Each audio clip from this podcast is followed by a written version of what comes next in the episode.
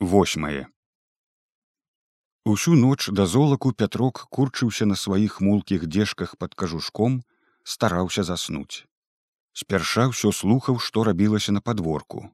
Дзе хоць і сцямнела але не было спакою. Чулася незнаёмая гамана вокрыкі смех. Чамусь дапазна там не было ў гамонку.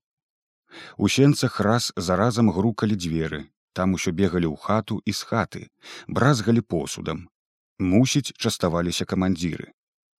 Спакваля аднак усё сціхла немцы паснулі але петрака ўсё роўна не брала на сон. Гаротна і неадчэпна думалася што ж гэта будзе?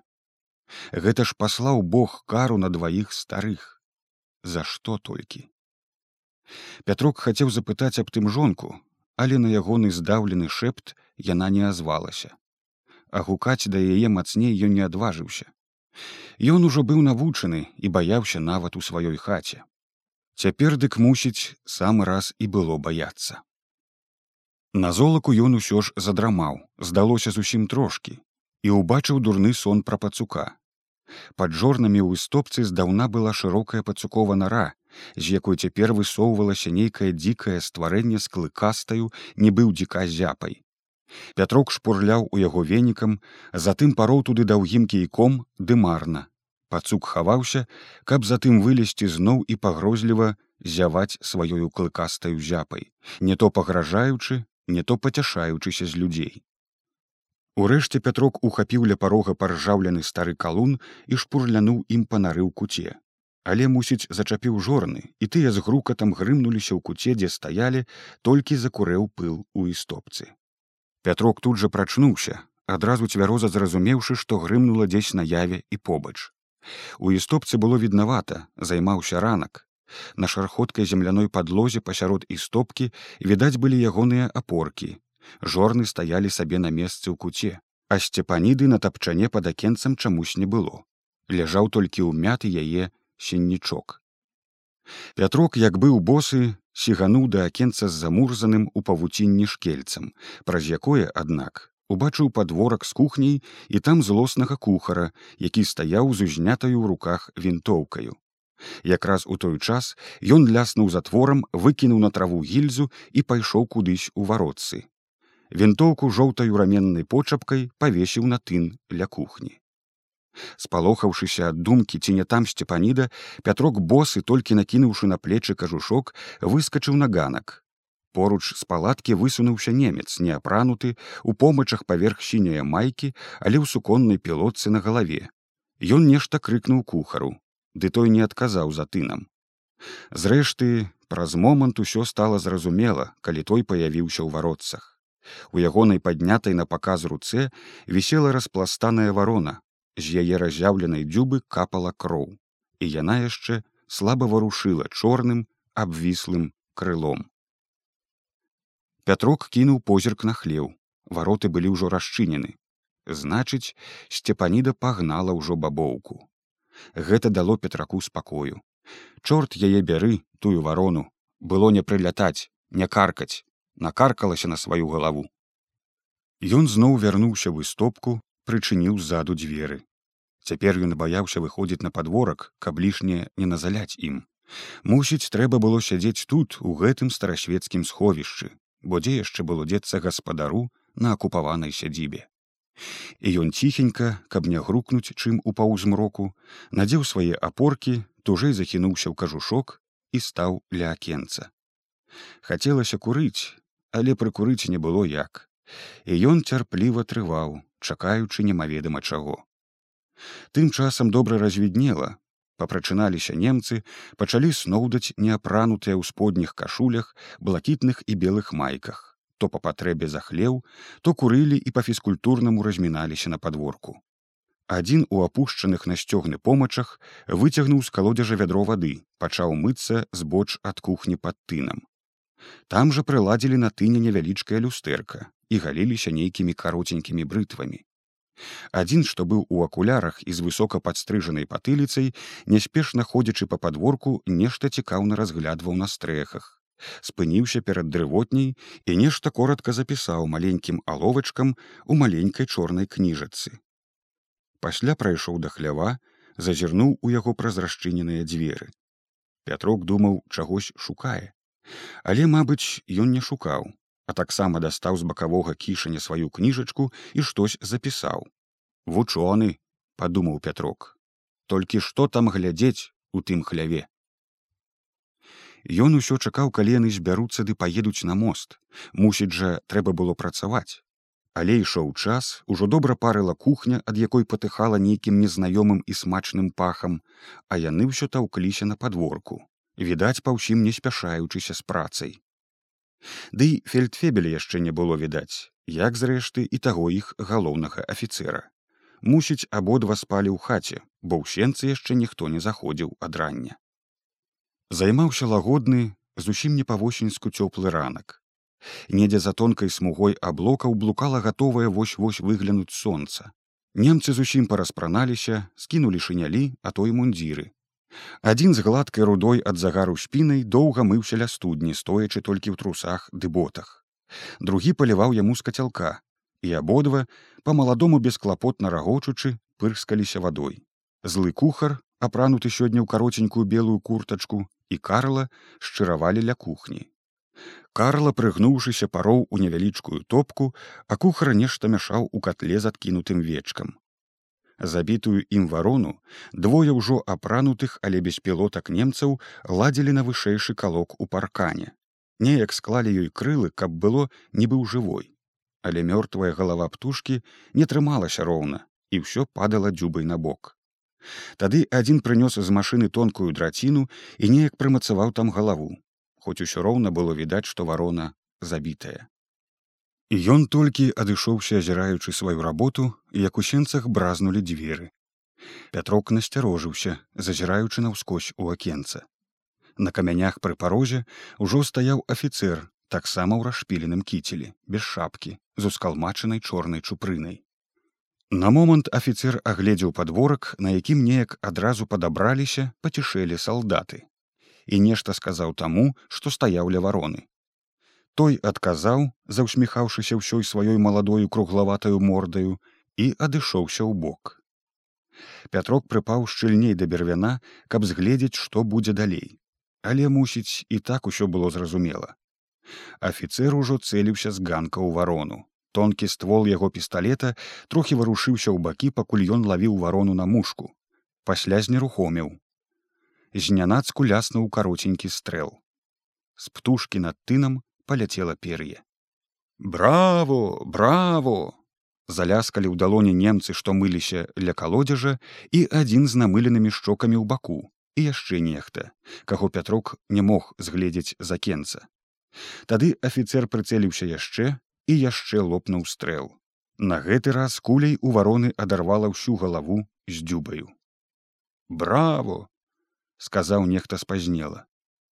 Афіцэр задаволена схаваў пісталлет і пайшоў да кухні на хаду апранаючы ў рукавы кіцель. Аднекуль да яго падскочыў вёрткі фельдфебель і яны пачалі размову, якую пятрок ужо не мог зразумець. Тут стоячы ля акна ён учуў іншае, ад чаго на момант збянтэжыўся, не ведаючы, што рабіць. Там за сцяной і стопкі, дзе быў невялічкі садок, трэслі яблыню аж шамацела лісце і чутна было густа падаючы важка грукалі аб зямлю яблыкі. Мусіць яго антонаўкі якія ён цярпліва спяліў на зіму.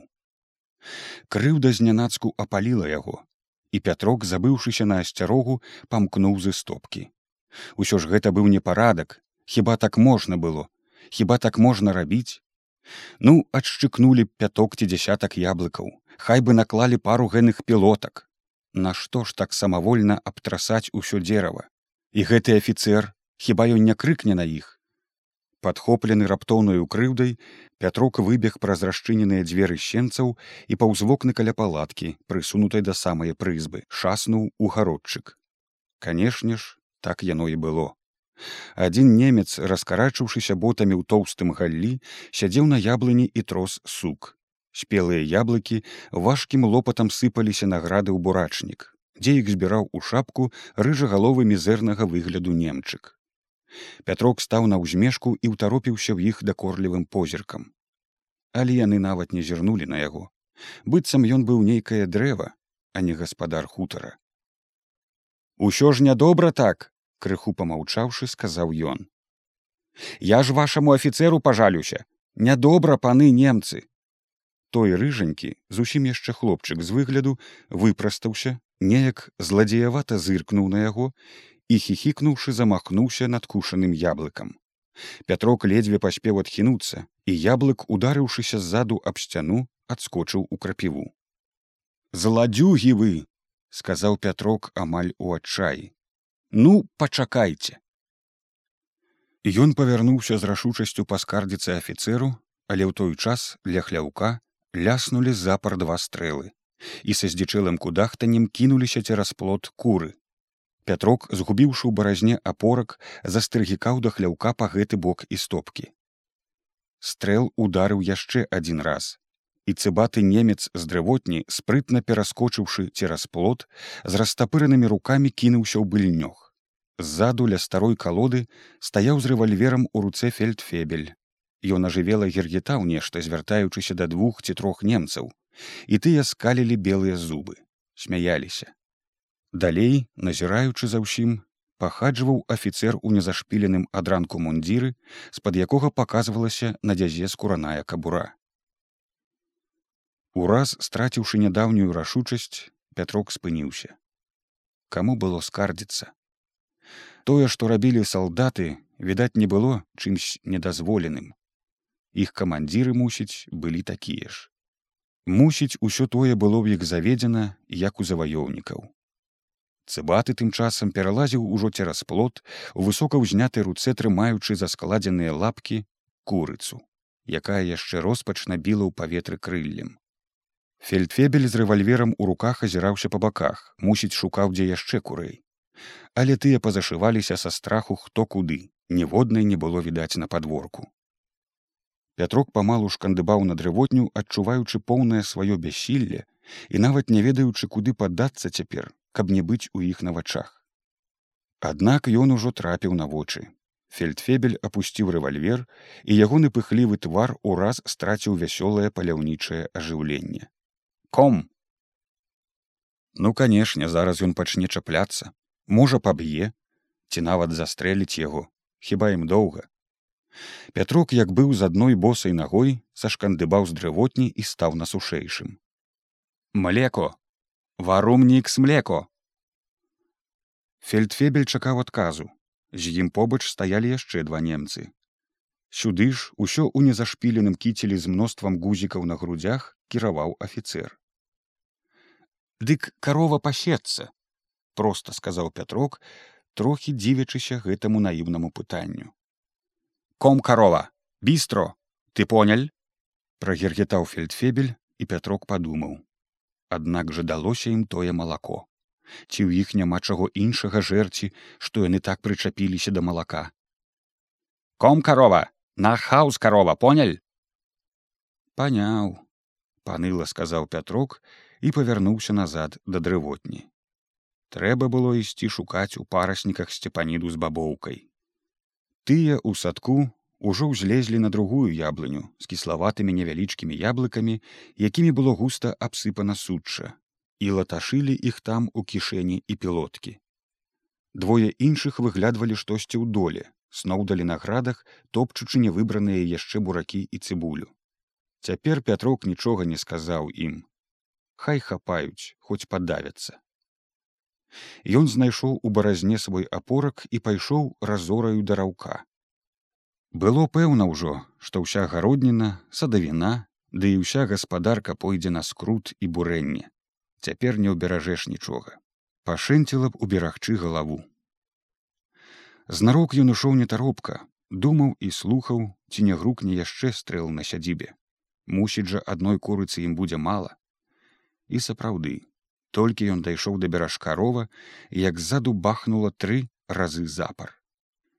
Пятрок азірнуўся не адсюль не відно было.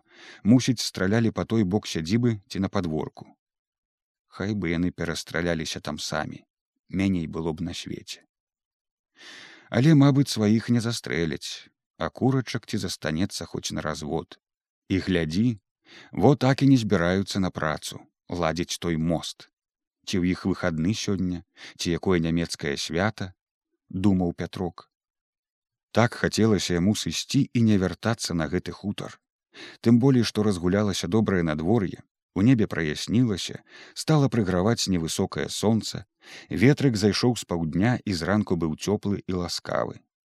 Такое выдараецца нечаста ўвосень можа то зачынялася бабіна лета з яго спазнелай скупой але такой жаданаю радасцю ў прыродзе каб не гэтыя злыдні аднак дзе ж было шукаць сцепаніду Ён ужо прайшоў паўз кусты на ўзгорку пастаяў ля белай без кары калоды паваленага дуба услухаўся.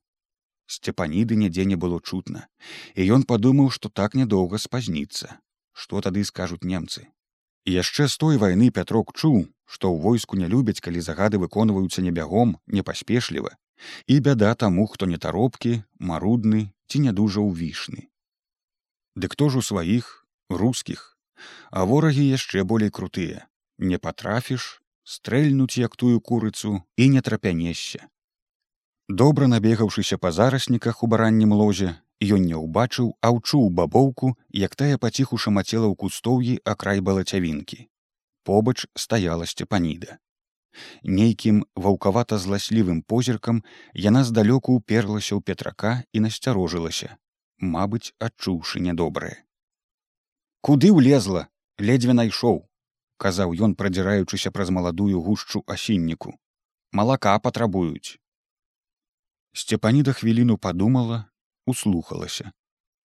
Сказаў бы няма учора ўсё ж жэрлі сказалі прывесці карову мусіць самі будуць даіць курыцу застрэлілі яблыні спрэс абтрэслі сцепаніда спакойна аднак выслухала тыя невясёлыя навіны нічога не запыталася толькі паправіла ражкі хусткі на шыі скулля ім урэшце абвясціла яна петраку і пайшла да каровы якая тым часам адышлася воддаль у кустоўі пятрок падумаў што яна забратае бабоўку і яны хуценька павядуць яе дадому але сцепаніда рашуча прысела да вымя і ўзялася за сіські што ты ўдумала што бачыш ну канешне ж яна пачала даіць карову ў траву і пятрок аж спалохаўся але ж малако скулля сказала а не малака мабыць скулля падумаў ён спакваля назіраючы як белыя струмені малака з-пад яе рук б'юць у дробную перасыпаную апалым лісцем траву Ён ужо ведаў характар жонкі і разумеў, што сцепаніду не перапросіш, асабліва такую, пакрыўджана зацятую пасля ўчарашняга. І ён з пакораю моўчкі стаяў у кустоўі, пакуль яна не выдаіла карову. Да, што рабіць? Наво, вядзі, хай дояць. Сцепаніда накінула карове на рогі вяроўчыну, другі канец яе сунула петраку ў руки. Вядзі. Ён павёў карову на ўзлесак да сцежкі. Сцепаніда ішла воддаль ззаду. Бабоўка, мабыць, мала што разумеючы з намераў гаспадароў, то ішла, то спынялася, хапала з-пад ног які шматок травы, мусіць, не напасвілася і не імкнула дамоў. Бы адчувала, што нічога добрага яе там не чакае. Да вечара ж было яшчэ доўга. Пятрок з натугай пераступаў нагамі в апорках. Ён таксама непакоіўся, адчуваючы, што гэта ж зусім нягожа прывесці карову без малака. Але што ён мог зрабіць? Карова гэта ўжо не ягоная ўласнасць, гэта болей уласнасць жонкі. А пасля ўчарашняга сцепаніда, канешне ж, пакрыўдзілася і было ад чаго. Ён бы таксама пакрыўдзіўся, калі б яго так адсцябалі рэвальверным шомпалам. Пакуль жа яго толькі палохалі. Аднак да спалоху і страху ўвогуле ён даўно ўжо прывык і хоць палохаўся часта, навучыўся хутка спакайнець, інак бы не ўтрываў у жыцці, асабліва ў вайну. Як нешта чуючы, бабоўка зусім заўпарцілася і ад гарода не хацела ісці далей.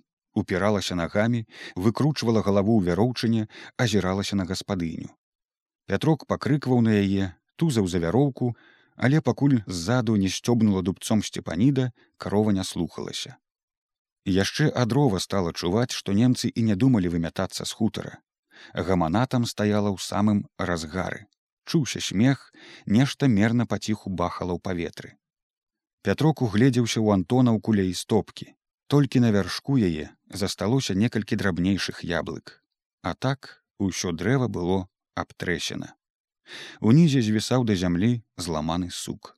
Увесь іх гарод быў здратаваны ботамі грады растаптаны на агурэчніку сям там відаць былі раздушаныя насенныя гуркі. Во кара боская гаротна падумаў пятрок. За якія толькі грахі! І чаму гэта на мяне менавіта абрынулася такое хіба мала было ім гарадоў мястэчак ці вёсак? Нашто ім прыдаўся гэты богам забыты хутар? Але мусіць быў трэба і хутар. Яшчэ ў гародзе пятрок сцяміў што на падворку ішла гульня ў мяч. Праз вокрыкі і гергетанне чуліся тугія удары па гуме. Неўзабаве здаровы нібы гарбуз мяч выкаціўся з-за хляўка і за ім выскачыў распараны ажывелы ад гульні немец ці не ўчарашні знаёмец шафёр Ён каротка зыркнуў праз акуляры падхапіў мяч і схаваўся на падворку за рогам хаты Пятрок прывёў на ўчарашняе месца бабоўку і стаў, нічога не кажучы, чакаючы фельдфебеля, які ўжо зарыўся сюды ад кухні. Ён штосьці загадаў, і Карла з бляшаным вядром у руках павалюхаў да каровы. Дужа няёмка і страхавіта зрабілася петраку, як ён згледзеў гэта вядро, падумаў: Хоць бы сабралася што ў бабоўкі, іначай будзе бяда. Чалавек пяць немцаў у расхрыстаных апратках і з узнятымі рукамі білі ў гору мяч спрэс вытаптваючы мураву на падворку. Нешта абмяркоўваў з кухарам кадоўбчык фельдфебель, а Карла набліжаўся. Пятрок не выпушчаў з рук вяроўку, толькі падабраў яе карацей. Бабоўка па-ранейшаму боязна азіралася на немцаў і вялікімі бухматымі вейкамі міргала на кожны ўдар мяча. Карла, як і учора, прысеў пад ёй існуючы выпнутымі локцямі пачаў даіць. Ды мусіць доўга даіць не было чаго. Карова не хацела стаяць хоць пятрокі трымаў яе пераступала і тузалася. Праз якую хвіліну карла падхапіў пустое вядро і выпрастаўся як здалося петраку ён занепакоена зірнуў на яго пасля азірнуўся на дрывотню дзе паказалася і прапала кудысь сцепаніда пасля прагергетаў штось да фельдфебеля. Той рашуча скіраваў да кухні вас і здас запытаў ён паказваючы на вядро. Варумнік смлеко а хто ж яго ведае?